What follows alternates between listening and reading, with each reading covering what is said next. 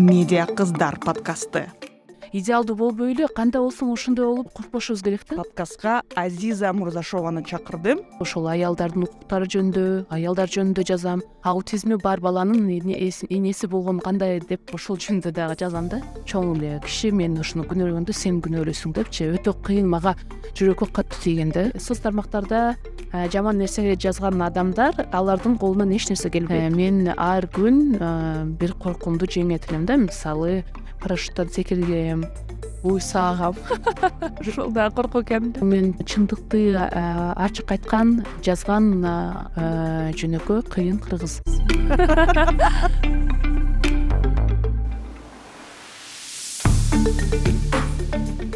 Салам менин атым тыным кулишиева бул медиа кыздар подкасты. Мен сиздерди медиа чөйрөсүндө иштеген айымдар менен тааныштырып келе жатам үчүнчү сезонубуз узарып жаз мезгили да келип калды бул сезондо биз жаңы медиалар менен иштеген айымдар менен жолугуп жатабыз. Аутизм жөнүндө маалымдуулуктун дүйнөлүк күнү экинчи апрелде белгиленет. Бир ай бою дүйнө боюнча ар кандай иш чаралар маалыматтык кампаниялар өтөт. Ошол себептен мен подкастка азиза мурзашованы чакырдым. Азиза чындыктын жактоочусу өзгөчө кыргызстан баракчасынын негиздөөчүсү былтыртан баштап өзгөчө энелик жөнүндө айтып келе жатат. Азиза саламатсызбы? Кандайсыз?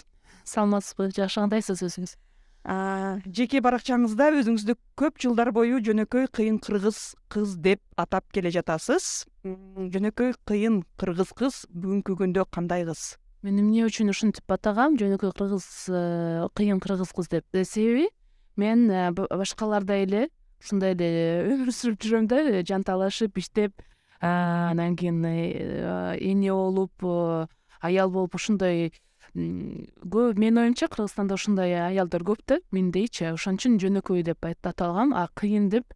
Мурда менде жөнөкөй обу жок деп турган да обу жок кыргыз кыз деп. Бул болсо мындай тамаша иретинде жазылган бирок мен бир жолу күйөөм айтып калды да сен эмне үчүн өзүңдү обу жок дейсиң депчи. э, а жүдөмүш деп еще турган. Жүдөмүш деппи анан кийин эмнеге ошентип айтасың? Сен андай эмессиң го сен кыйынсың го. Сен көп э, долбоорлорду иштейсиң сен э, жакшы адиссиң сен кыйын кыйынсың да өзүң өзүңдү ушинтип алып барбайсың деп ошентип күйөөм айтканда мен дагы ойлонуп калгам. Эмне үчүн мен өзүмдү эле кемсинтип анан кийин кемсинтип анан кийин бир нерсе жүдөмүшчү ошентип атайм деп анан кийин ооба мен кыйынмын деп анан кийин кыйын деп жазгам да. э, баардыгыбыз эле кыйынбыз потому что мен э, себебин ойлойм. Баардык кыздар окуйт э, көп бир эмес эки үч жумушта иштейт.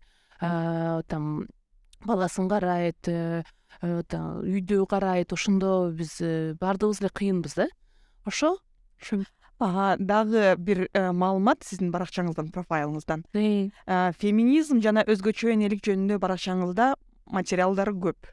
Ооба эки тема сиз үчүн эмнеси менен маанилүү эмне үчүн ушул темаларга кайрылдыңыз? Менин оюмча тилекке каршы биз ушундай өлкөдө жашайбыз. Сиздер билесиздер бизде ошол дагы макалалар чыккан маалымат бар. Расмий маалымат кыргызстан. Бизде зордук зомбулук өтө мындай өтө көп. Анан кийин э, үйдүк зомбулук да көп. Ушундай дайыма ар күн бир дагы бир эмес эки ушундай жаңылык чыгат да бир жерде аялды өлтүрүп кетиптир бир жерде күйөөсү аялын уруп кетти. Анан бир нерсе болду ушундай жаңылыктар чыкканда албетте сен э, кайдыгер боло албайсың да сен дайыма аны карап ушундай өлкөдө жашайбызбы ушундай өлкөдө биздин аялдар жашайбы деп албетте сен көп мен мен мисалы көп ойлоном да ошол жөнүндөчү көп ойлоном өзүм да капа болом ошол жаңылыктарды окуганда. И албетте мен баракчада ошол аялдардын укуктары жөнүндө аялдар жөнүндө жазам. Аялдарга кайрылам. Себеби аларга айтам мен силер күчтүүсүңөр силер кыйынсыңар силер мыктысыңар. Эч качан эл эмне дейт деп коркпогула каалаган нерсеңерди жасагыла силердин аларга укугуңар бар депчи? Укук жөнүндө жазам. Ошон үчүн феминизм жөнүндө көп жазам. Бул тема мага жакын да ошону ошону жазам. Өзгөчөлүк энелик боюнча бул менин уулум бар. Ал төрт жашта анын аутизми бар. Ошол ошол аутизми бар баланын энеси болгон кандай деп ошол жөнүндө дагы жазам да. Дагы бир э, аныктоону кошконсуз ак ниеттин же э, чындыктын жактоочусу бул эмнени түшүндүрөт? Мен дайыма мындай э, чындыкты бетке айткан мындай чындыкты айткандан коркпойм да. Же айткандан же жазгандан коркпойм.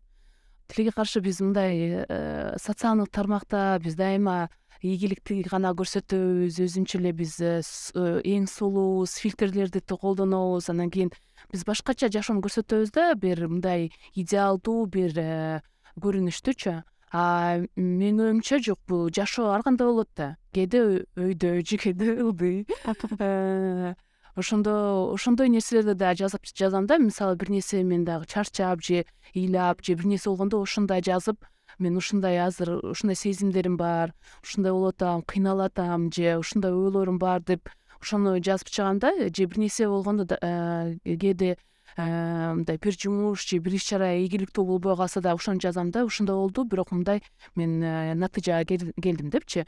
Анан ошол аудитория жагат экен да себеби алар болсо ии азиза рахмат сизге. Мен дагы сиздин постторуңузду окуп өзүмдү дагы тааныдым депчи. Мен дагы ии мен дагы ошентип ойлойм мен дагы ошондой кылам менин жашоомдо дагы ушундай болот деп. Ошол жакын болот экен да ошол ошон үчүн менин оюмча биз идеалдуу идеалдуу эч ким идеалдуу боло албайт да. Ошону идеалдуу болбой эле кандай болсоң ошондой болуп ошондой чындыкты айтып э, бетке айтып жазып коркпошубуз керек да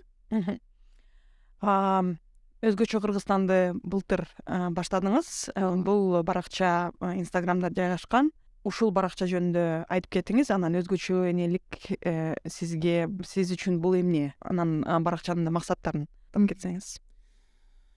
Өзгөчө кыргызстан долбоор мен э, ошол былтыр ушул идея келген. Э, кандай бул идея кандай пайда болгон? Мен ошол эле гуглдан аутизм бул эмне деп жазгам да. Жазганда жаман ушундай макалалар чыккан да мындай кандай айтсам аутизм бул оору анан кийин ушундай э, өтө мындай. Аны окуганда прям депрессия болосуң да. Анан ошол э, макал э, анан маалымат да өтө аз экен да жок да. Мындай карап көргөндө жок кыргыз тилинде аутизм жөнүндө маалымат жок. Анан мен ойлонуп калдым да мисалы айылда бир жашаган үй бүлө болсо баласы ошо аутизм бар болсо алар кантип ошону түшүнөт? Анан кайсы жерден маалымат табат мисалы э, мисалы тилге каршы мен англис тилин жакшы билбейм да. Анан мен өзүм да ойлодум да мисалы азыр орус тилинде макалалар жок болсо мен англис тилинде окуа албайт элем да жакшы түшүнө албайт элем же кыйналат элем да которуп ушундай болуп анан ошондой эле э, айылда жашагандар мисалы орус тилин жакшы түшүнбөй жакшы билбесе ошолду мындай макалаларды окуп көп нерсени түшүнбөй калышат да көп нерсени билбей калышат деп анан э, кыргыз тилинде дагы маалымат керек экен деп ошон үчүн мен ушундай баракча керек экен деп анан кийин мен э, соорос анан кийин идеянын медиа жаса деген долбооруна э, катышкам. Ал жерден болсо мага ошондой э, мени колдоп мага менин долбоорума ишенип мени колдошкондо ошондо ушул баракча пайда болуп анан пайда болгон ошол долбоор. Кандай чоң максатка жетүүнү каалайсыз бул долбоорго? Эң мындай негизги максат бул биздин эл аутизм жөнүндө маалыматты билип анан кийин аутизми бар адамдарга жакшы мамиле кылыш керек да. Азыр азыркы учурда болсо тилге каршы маалымат аз ошон үчүн элдер болсо мындай дискриминация кылат коомго кошпойт азыркы учурда мисалы аутизми бар балдар садикке бара албайт мектепке бара албайт. Эч ким аларды алгысы келбейт эч ким алар менен иштешкиси келбейт да. Бул кыйын бул бала бул э, мектеп бул балага ылайыктуу эмес. Ушундай деп ушундай дискриминациялар бар. Бул болсо ошол э, кичинекей э, убагында да анан кийин чоңойгондо университетке эч ким албайт. Себеби анын билими жок анан кийин университетке албаса анда жумуш дагы таба албайт. Ошон үчүн бул аутизми бар адамдар ушундай изоляцияда болуп калышат да дискриминация болуп изоляцияда болуп. Андан кийин бул долбоордун негизги максаты албетте аутизми бар балдар э, бар э, балдардын ата энесине колдоо көрсөтүү. Алар болсо ошол мисалы баракчага киргенде маалыматты окуп мисалы жакшы мындай пайдалуу аларга керектүү маалыматты табышат анан кийин болсо дагы түшүнөт а биз жалгыз эмес экенбиз ушундай дагы үй бүлөлөр бар экен биз уялбай эле э, мындай биздин балабыз жөнүндө айта берсек болот деп мисалы азыр кыргызстанда кандай көрүнүш? Э, үй бүлөдө ошол аутизми бар бала төрөлгөндө ал жөнүндө туугандарга айтпайт. Э, аны эл эмне дейт бизди ушундай ойлоп башка жаман ойлоп калат биздин үй бүлө жөнүндө деп баласын коомго аралаштырбайт көрсөтпөйт. Мисалы айылда жашагандарда ушундай бар экен да конок үйгө келгенде баланы болсо бир комнатага э, бир бөлмөгө жаап коет. Ал чыкпасын аларга мешать этпесин э, кошулбасын көрүнбөсүн депчи. Бул өтө мындай э, өкүнүчтүү деп ойлойм. Ошон үчүн себеби аутизми бар балдардын адамдардын биздей эле укуктары бар окуганга коомдо жүргөнгө паркка барганга ушундай эле бактылуу балалык сүргөнгө дагы укугу бар. Тилге каршы андай бизде кыргызстанда андай мүмкүнчүлүк жок. Анан кийин ошол маалымат көп болсо ачык сөйлөсөк ошондо гана биздин коомдун мындай көз карашы дагы өзгөрөт деп ишенем да. Кандай мифтер же стереотиптер аутизм жөнүндө кыргызстанда көбүрөөк жайылган эң биринчи мындай эң өкүнүчтүү бир миф бул болсо аутизми бар бала төрөлгөндө бул апа апасы күнөөлүү деп апасын күнөөлөйт да. Э, мисалы бала төрөлгөндөн кийин сен күнөөлүүсүң сен ушундай бала төрөдүң деп апасы болсо и так депрессияда. Анан кийин өзүм деле айтып кетем менде деле ошондой болгон. Менин дагы бир э, айтпай эле коеюн бир тууганым ошондой. Чоң эле киши мени ушуну күнөөлөгөндө сен күнөөлүүсүң депчи. Өтө кыйын мага жүрөккө катуу тийген да бул өтө жаман да өкүнүчтүү анан айткым келет бул эч ким күнөөлүү эмес депчи себеби даже азыр деле мындай дүйнөдө жүзүндө да талык маалымат жок да кантип эмне үчүн аутизм пайда болот дегенчи анан кийин э, ошондой болуп аялды күнөөлөйт сен күнөөлүүсүң сен ушундай баланы төрөдүң деп. Анан кийин болсо этот э, күйөө ошол ошол баланын атасынын туугандары баштайт ага айтып баштайт да баягы ошол эркек кишиге сага ушул аял эмне кереги бар? Сага жакшы эле аял керек ошол сага мындай ден соолугу чын балдарды төрөгөн аял керек деп кетип кал деп ошентип э, ошентип дешет да. Анан кийин эркектер кетип калышат. Анан кийин кыргызстанда тилекке каршы аутизми бар балдардын жалгыз бой э, апалар өтө көп. Өздөрү жалгыз ошо баласын тарбиялап өстүрүп аларга жан талашып каяктан билбейм акча таап ошентип э, араң жүрүшөт да ошондой көрүнүш өтө мындай өкүнүчтүү бул биринчи миф. Экинчи болсо бул болсо аутизми бар адамдар агрессивдүү деп ойлошот да. Э, себеби аутизми бар балдар э, э, мындай катуу сезимтал болушат анан кийин катуу бир үн чыкса же бир нерсе болгондо жаңы жерге барганда алар коркушат бул коркуу сезим аларда ошон үчүн алар мындай өзүнү өзүн мындай адекваттуу эмес алып барышы мүмкүн да. Бирок ошондо балага жардам берип же мындай ага тийбей ага бир убакыт бергенден кийин өзү көнүп кетет да ошол жерге же ошон үчүн мындай алар агрессивдүү эмес алар просто мындай башкача өзүн алып барышат да бул дагы бир анан кийин үчүнчү эң мындай э, чоң бир э, миф. Бул болсо аутизм э, мындай прививка үчүн пайда болот деген. Ошон үчүн бизде көп прививкадан балдарга прививка кылбай. Анан кийин ушундойлор көп да. Себеби ошо аутизм прививка үчүн пайда боло турбайбы жок бул туура эмес. Уже окумуштуулар дүйнөдөгү баардык окумуштуулар аны далилдеген да жок. Аутизм прививка үчүн пайда болбойт андай эмес аутизм бул приобретенный эмес. Аутизм бул ушул аутизм менен төрөлөт бала. Жаңы медиа аутизм жөнүндө сөздү сөздү жайылтууга кандайча жардам берет. Э, сиз башка англис тилинде орус тилинде да баракчаларды э, караган болуш керексиз. Э, канчалык деңгээлде азыркы соц тармактар ушул аутизм жөнүндө маалыматты көбүрөөк элдерге жайылтырат албетте вот жаңы медиа ошол соц тармактар аутизмди жөнүндө сүйлөгөнгө аутизм жөнүндө маалыматты жайылтууга өтө мындай чоң жардам бар да э, жардам берет. Э, ошол эле подкасттар бар аутизм жөнүндө. Дагы аутизми бар э, адамдар өзү подкасттарды ачкан ошондой бар да. Бирок ал албетте чет өлкөдө бирок ошондойлор бар. Анан э, алар болсо өзүнүн жашоосу жөнүндө айтып берет сезимдери жөнүндө айтып берет. Ошондо биз а ушундай турбайбы деп көп нерсени билсек болот.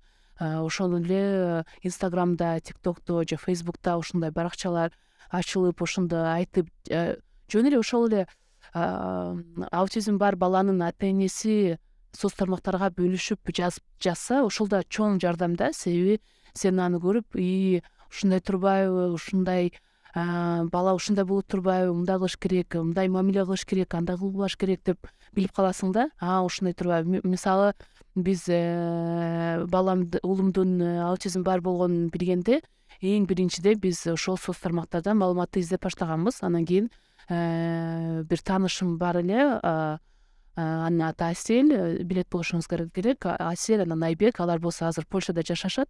Ошонун кызы аутизм бар. Мен биринчи кимге жазгам бул аселге асель бизге ушундай диагноз койду эмне кылыш керек? Э, ошондо асель мага өтө жардам берген да себеби ал баардык контакттарды берген бишкекте болгон. Ушундай кылыш керек ошол алып барыңыз депчи. Сиз жасаган иш бул комьюнити деп коет э, же жамаатты куруу иши кандай э, бул иш? Менин билишимче сиздин баракчаңызга көбүнчө ошо аутизми бар балдардын энелери катталган алар менен сиз жолугушууларды да өткөргөнсүз. Жаңы медиада коомчулуктун түзүүнүн мындай ыкмалары анан өзгөчөлүктөрү жөнүндө бөлүшүп кетсеңиз. Ооба бизде эң негизгиси мен айттым го биздин баракчанын максаты бул ата энелерге колдоо көрсөтүү себеби алар бизде кыргызстанда изоляцияда болот. Анан кийин мындай депрессивный бир ушундай состоянияда болушат да. Себеби маалымат жок жардам жок э, жалгыз ошо бала менен калышкан. Анан эмне кылайлы кандай кылайлы анан кийин ошол эле апалар э, жалгыз бой апалар дагы мындай выгорание болушат да. Үйдө отуруп дайыма ошол бала менен. Анан э, оңой деле эмес да ошол бала менен коммуникация түзүштүчү анан э, биз ошол баракчада эң негизгиси колдоо көрсөтөбүз. Эч качан эч кимди кемсинтип сен туура эмес жасатасың же сен туура эмес тарбиялап атасың бала деп эч качан антип айтпайбыз да. Анан ошондой эле биз азыр whatsapp группаны ачтык. Whatsapp э, э, группа ал жерде болсо ошол апалар бар ата энелер анан ал жерде биз э, мындай мен ошол жака группага жазгам. Сиздер бул жерде бир комфортный зона бул жерге өзүңүздөрдүн сезимиңиздер менен бөлүшүп оюңуздар менен бөлүшсөңүздөр болот. Мисалы чарчап же мындай жаман бир состояние болгондо да бөлүшүп биз сөзсүз түрдө колдогонго аракет кылабыз. Анан кийин өзгөчө ата энени башка өзгөчө ата эне түшүнөт да жакшы түшүнөт. Башкалар мындай дагы деле түшүнө албайт. Мисалы менин деле апам кээде айтып калат. Биз даже мындай терең да ойлонбойт экенбиз анан түшүнбөйт экенбиз депчи. Сен эмне эмне эмнени өтүп жатасың кандай сезимдер бар аны түшүнбөйт да только башка ата эне да түшүнөт. Сезимдерди айтып кеттиңиз. Биринчи кезекте аутизм жөнүндө аутизм жөнүндө эмнени билишибиз керек жарандар катары? Аутизм жөнүндө эң негизгиси бул признаки аутизма дейт. Мындай кызыл желекче дейби ошондой да. э, аны көргөндө баланы э, бир жер коомдо же көчөдө көрүп калганда мындай түшүнсө болот да мисалы бала көзү карабайт же э, мындай катуу үн болгондо кулагын жабат бир жака мындай э, же бала мындай несвязанный бир движение кылат да бир жерде истерика болуп бир нерсе болгонду көргөндө эч качан ага барып «Э, ай бул эмне деген бала? Тарбиялабайсыңарбы же ушундай деп айтса болбойт да көп болот ошондойчу «Э, жакшы тарбия көрбөптүр баланы. Катуу кармабайсыңарбы ушундай эркек турбайбы? Ушундай жатып биякта истерика болот а болбосо просто бул жакта мындай ата эне келип мындай сураса болот сизге жардам керекпи э, жок кереги жок десе анда өтүп эле кетиш керек да? Карабай. Э, анан кийин э, мисалы көп ата энелер уялат да мындай бизде болот го мындай жаман көз менен карап даже эч нерсе деле айтпаса жаман көз менен караганда уже жаман болосуң да. Анан ошондой кылбаш керек сөзсүз сураш керек. Эч качан аутизми бар баланы өзүңүз барып кармашыбыз кармаса болбойт. Мисалы колунан кармап же мындай кармап андай болбойт. Потому что балага ал дагы стресс болот да. Башка же адам тааныш эмес эле адам ушинтип келсе. Ошо ошондой нерсени билиш керек деп ойлойм. Медиа кыздар подкасты сиз өзүңүз социалдык тармактардын адисисиз. Өзгөчө балдар тууралуу жөн гана эле аутизм эмес иш чараларды өткөргөндө же маалымат таратканда эмнени эске салыш керек? Эң негизгиси бул аталышы эч качан бизде мындай бизде бар го мындай мүмкүнчүлүгү чектелген адамдар деген. Антип андай колдонбош керек потому что мүмкүнчүлүктөрү чектелүү эмес. Биз биз ошол ком аларга чектейбиз да аларды жөн эле ошол человек с инвалидностью же ошо инвалидности бар адам деп. Анан кийин эч качан аутист даун дцпшник там ушинтип айтпаш керек да себеби эң негизгиси бул инсан. Ошон үчүн биринчи адамдын мындай бул аутизми бар бала же аутизми бар инсан же аутизми бар ушул киши деп ушинтип айтышыбыз керек да же даун даун синдрому бар киши деп ошондой ошондой терминологияда билиш керек. Себеби ал деле мындай кулакка анан жүрөккө катуу тиет да мындай ушинтип э, орой угулат. Анан кийин башкасы болсо бул бул өтө мындай чоң тема экен. Мисалы ошол соц тармактарда жаңылыктарда ошол инвалидности бар адам жөнүндө сүйлөгөндө жазганда анын деле мындай эрежелери бар да. Бирок тилге каршы биздин көп журналисттер ал мындай маалыматы жок. Окуш керек деп ойлойм. Эми мурунку долбоорлорубузга кайрылып кетсек азиза сиз социалдык тармактарды челлендждерди да уюштургансыз аңгеме марафондордо дагы катышкансыз көп сонун иштерди жасап келгенсиз э, жаңы медиа аркылуу. Жаңы медиа сизге эмнени берди? Э, жаңы медиа азыр э, биздин күндөрдө бул эң мындай сонун ыңгайлуу анан кийин бекер ыкма да. Ошол эле мисалы өзүңүздү адис катары көрсөтүш үчүн дагы сонун ыкма. Себеби социалдык тармакты туура алып барсаңыз анда жумуш издегенге дагы мындай мажбур болбойсуз да сиздерди өзү табышат да ошондой анан кийин мен болсо өзүм өзүмдүн блогум бар эле өзүмдүн веб сайтым бар эле ал жерде мен жазат элем бирок тилекке каршы ал жабылып калды нерсе болуп ошо анан сиз айтып кеткендей эле челлендждерди өткөргөм бул болсо мен бир ай пенсияга жашагам. Э, менин негизги максатым бул болсо ошол пенсияда жашаганда кандай сезимдер болот. Анан кийин э, ошол коомчулуктун э, медианы ошол пенсия пенсионерлердин маселесине ошондой көңүл буруу да. Ошондой бирок мен ойлойм мен максатыма жеткемдейм себеби көп медиада ошол челлендждин жөнүндө жазып чыккан. Анан кийин болсо дагы бир челлендж болгон бул болсо мен үчүн э, өтө маанилүү болгон. Бул э, жыйырма күн э, коркуусуз жыйырма күн деген. Мен ар күн бир коркуумду жеңет элем да. Мисалы парашюттан секиргем уй саагам ошол дагы коркуу экен да. Көчөдө бийлегенсиз. Көчөдө бийлегем ал ал убакта тик ток деген жок эле. Азыр болсо мындай көчөдө баратканда кыздарды бийлеп турса а тиктокто тиктокту бир нерсе тартып атат бир нерсе видеого деп ошентип ойлойсуң ал ал убакта жок эле. Ошондо көпсүн дагы болгон. Ошо анан ошондой мындай өзүмдүн коркуу сезимдерди жеңгем да. Стендапка стендапка баргам. Ошондой болуп өзүм дайыма эле ушундай эле активдүү болгом. Анан кийин мен ойлойм кээде ошол азыр болсо ушул менин баардык фокусумду аутизмге да э, баардык күчүмдү аутизмге э, мындай иштетип атам. Бирок э, андан тышкары эки үч долбоордо дайыма иштейм да. Себеби өзгөчө ата эне болуш бул мындай кымбат нерсе. Ошо сиз буга чейин кайсы социалдык медиа аккаунттарын башкаргансыз? Кайсы компанияларды же долбоорлорду ишке ашырып келдиңиз? Вообще бул социалдык тармакта смм менеджер катары мен эки миң он экинчи жылдан баштап э, иштейт да. Бул болсо он жылдан да ашып кетиптир. Анан э, мен болсо көп эле компания э, мындай организацияларда иштегем. Эл аралык организацияда бул юнтп юнисеф оон женщин деген анан жз э, анан кийин э, мындай мамлекеттик иш чарада да иштегем бул болсо инвестицияны өлкөгө алып келген бир да инвестицияны тартуу бир агентство бар эле. Бул экономика министерствонун алдында.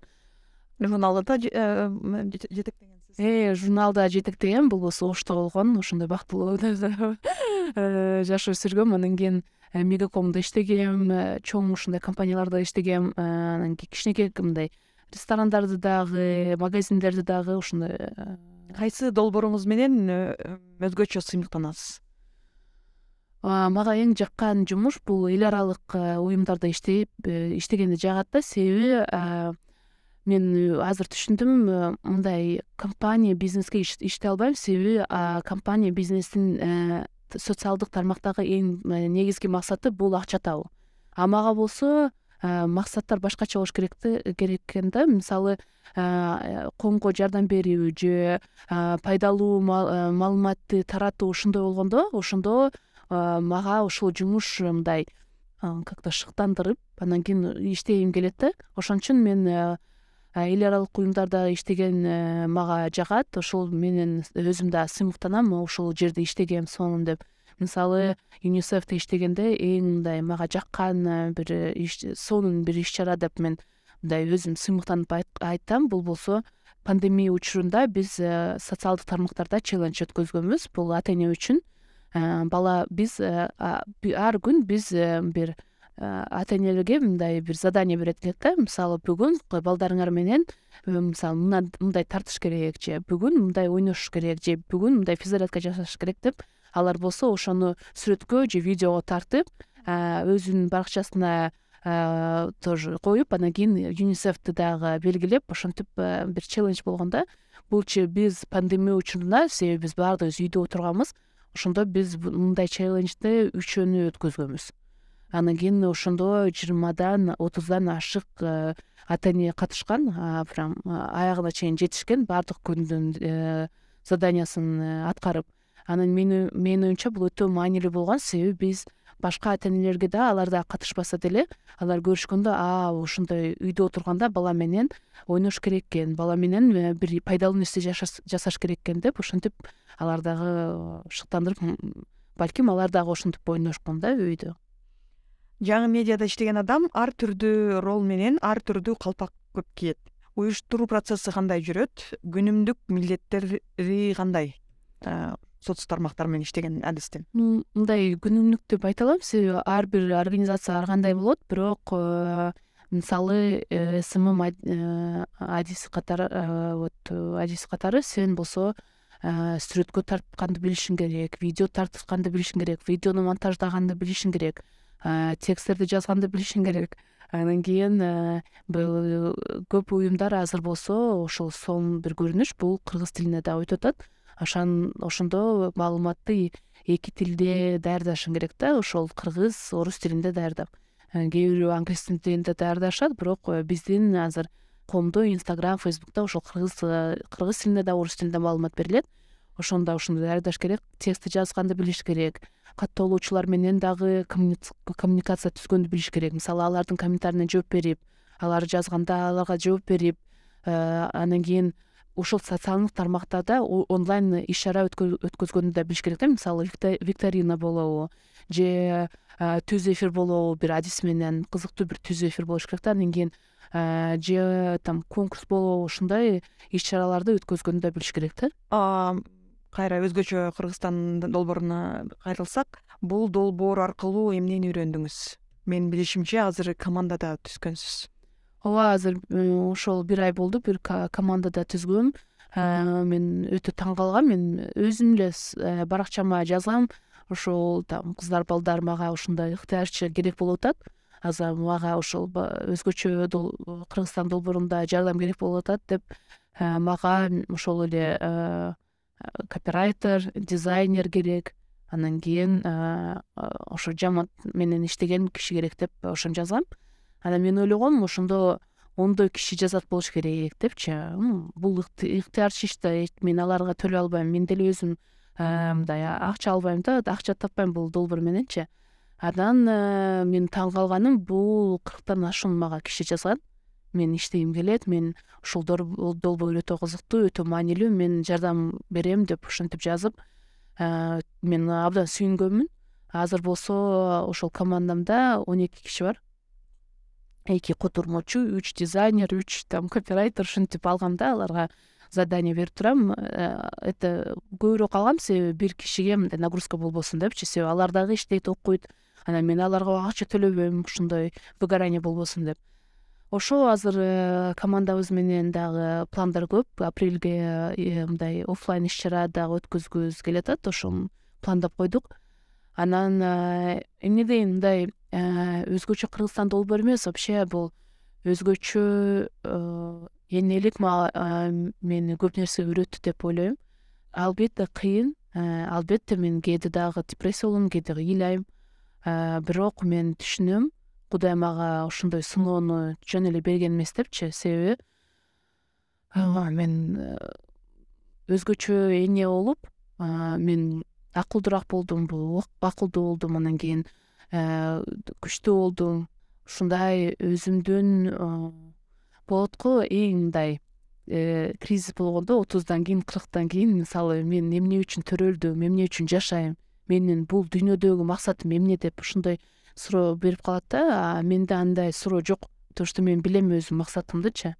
Мен өзүмдүн максатымды жашоомдо болгон мындай магызын таптым да. Ушундай менин э, ушул менин призванием экен мен ушундай жасашым керек депчи. Буга дагы ыраазымын. Мындай мисалы данюшанын аутизми жок болсо балким бул деле долбоор жок болот эле да. Социалдык медиадагы акыркы тенденциялардан жана инновациялардан э, жаңы э, кайсы платформалардан аласыз э, жаңы маалыматтарды жаңы бул мындай өзгөрүп турган чөйрө? Ооба ошол мен айткым келет мисалы сиз ал смм менен иштейм акча табам десеңиздер анда сиз дайыма үйрөнүп турушуңуз керек да. Бир жерде отуруп мисалы беш жыл мурун бир э, тренингке барып анан кийин үйрөнгөн ал маалымат жетпейт себеби э, социалдык тармактар дайыма өнүгүп турат жаңы нерсе чыгат. э, жаңы ыкмалар чыгат. Ошол эле инстаграм дайыма эле өнүгүп турат да бир нерсе жаңы нерсе чыгып калат да. Мисалы рилс деген чыкты анан кийин стористерде дагы жаңы фишкалар чыгат. Ошону дайыма байкап карап туруш керек да. Анан кийин өзүңүздүн жеекки баракчаңызда ошону колдонуп көрүш керек да. Ошондо сиз үйрөнүп каласыз да бул ыкманы менен колдонгонго. Анан кийин бир башка бир компанияга иштесеңиз аны ошону колдоно аласыз ошон үчүн өзүңүздүн баракчаңызды да жакшы алып барышыңыз керек да. Себеби сиздин баракчаңыз бул бир э, портфолио болот да.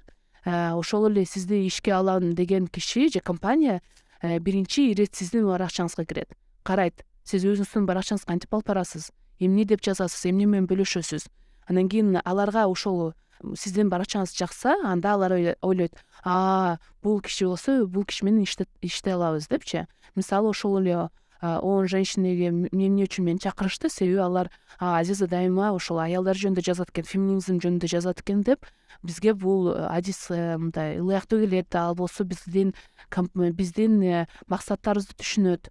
Ошон үчүн жакшы иштей алат деп ушинтип алган да. Ошон үчүн өзүңүздүн баракчаңызды дагы таштап кетпей жакшы алып барышыңыз керек. Медиа кыздар подкасты.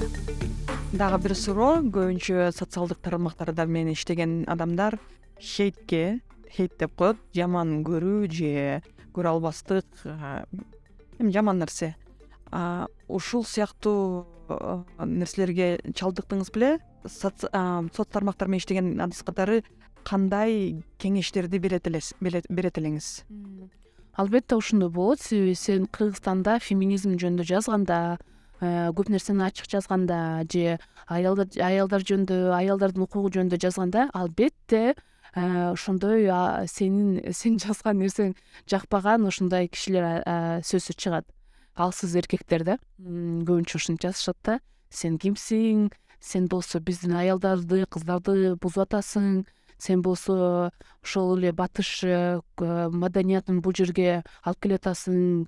Кыргызстандын маданиятын унуттуң анан кийин манкуртсуң же мындай ушинтип көп э, жаман нерсе жазат да бул мен ошо ушу жумшак айттым да мындай жаман сөздөрдү колдонбойчу көп нерсени жазат угроза да жазган да мага мен э, боюмда болгондо ошондой прям мага сообщенияларга прям жазып угроза мен сени табам мен сени урам ушундай кылам деп э, ошентип жазышкан да. Анан эмне деп айтайын бул ушундай соц тармактарда жаман нерсе жазган адамдар алардын колунан эч нерсе келбейт. Чынын айткандачы алар эч качан сиз аларды мындай бетме бет көргөндө мындай эми айтчы мага ошол сөздөрдү дегенде эч качан аны айта албайт сиздерге көбүнчө. Бирок мындай угроза болгондо албетте сиздер кайрылсаңыздар болот милицияга алып барсаңыздар болот айпи адрес менен аны тапса болот ошол кишини. Ал ким даже анонимдүү аккаунтта отурганда аны тапса болот а мындай жаман нерсе жазганда э, менин жеке бир акчам болсо мен жөн эле аларга аларды кара тизмеге киргизип коем. Менин нервимди коротуп эмне кереги бар? Жөн эле мындай. Ал менен дагы конструктивдүү сүйлөшө албайсың да ошон үчүн ошондой кылам. Бирок бул э, сиз бир уюмда иштесеңиз же бир организация же бир компанияда иштесеңиз ошондой жаман комментарий болгондо аларды кара тизмеге киргизе албайсыз. Себеби ал дагы бир этот хейт болот да бир. Ошон үчүн аларга конструктивдүү сылык э, жооп бериш керек да. Эч качан э, мындай алардын уровнуне түшпөш керек да. Алар менен урушуп кетип айтышып кетип жаман сөз айтып же жаман сөз жазып андай болбош керек. Себеби бул тескерисинче сизге сиздерге жаман болот да. Ошон үчүн дайыма сылык мындай ооба сизди түшүндүм комментарийиңиз үчүн рахмат биз карап көрөбүз мындай кылабыз оңдойбуз мындай деп сылык ушинтпай жазып коюш керек. Экинчи апрель дүйнөлүк факт чекинг дагы күнү экен. Дагы бир суроо. Аутизм жөнүндө көп мындай так эмес маалыматтар да жайылган учурлар да болот. Өзгөчө кыргыз тилинде да менин оюмча мындай туура эмес маалыматтар да ошондой маалыматтардан кантип арылсак болот? Кантип аутизм жөнүндө өзгөчө верификация кылсак болот маалыматты? Кайсы булактарга ишенишибиз керек? Эми негизгиси э, ар бир маалымат мындай бир маалыматты окудуңуз да бир жаңылыкты окудуңузбу же макаланы окудуңузбу сиз ошол булакты карашыңыз керек да. Бул э, бул эмне деген медиа? Ишеничтүүбү канчалык ишеничтүү э, аутизм жөнүндө көбүнчө ушундай э, аутизми бар балдар менен иштегендер маалымат таратышат жазышат. Ошону караш керек. Бул уюм кандай? Авторитеттүүбү канча жыл ушул тармакта иштейт? Канча жыл ушул аутизми бар балдар менен иштешет? Ошону да караш керек да. Алар дайыма мындай текшерилген өзүнүн практикада болгон маалымат менен бөлүшөт да. Ошон үчүн э, мындай оңой эле карап көргөндөчү карап анан кийин сөзсүз түрдө отзывдарды окуйсуз ушул уюм жөнүндө. Бул уюм жакшы болсо же дагы мындай карап көрсө болот башка медиа мындай официалдуу ошол эле сми мындай барго этот официалдуу веб сайттар же ошол жаңылык тараткан медиа ушул булакка таянса анда бул булакка ишенсе болот да ошондой дагы карап көрсөңүздөр болот. Сөзсүз түрдө бир маалымат көргөндө э, бир булактан көрдүңүзбү башка булактардан да издеп көрүңүз. Ал жерде ошол маалымат болсо бул чындык. Э, бир эле булакка ишенбеңиз да мисалы э, прям ошону уксаңыз гуглга киргизип ушундай чынбы деп карап көрсөңүздөр болот. Бирок бизде ошондой тилек каршы мындай текшерилбеген маалымат өтө көп бул бизде ошол кыргыз тилинде аутизм жөнүндө маалымат аз болгондуктан адамдар көп нерсеге ишене берет да. Мисалы айыл жергесинде көбүнчө ошол аутизми бар балдарды аны ага жин кирип кетиптир анан молдого алып барат молдо болсо мындай ужасный бир нерселерди жасап баланы коркутуп үркүтүп уруп ошондой жинди чыгарам депчи.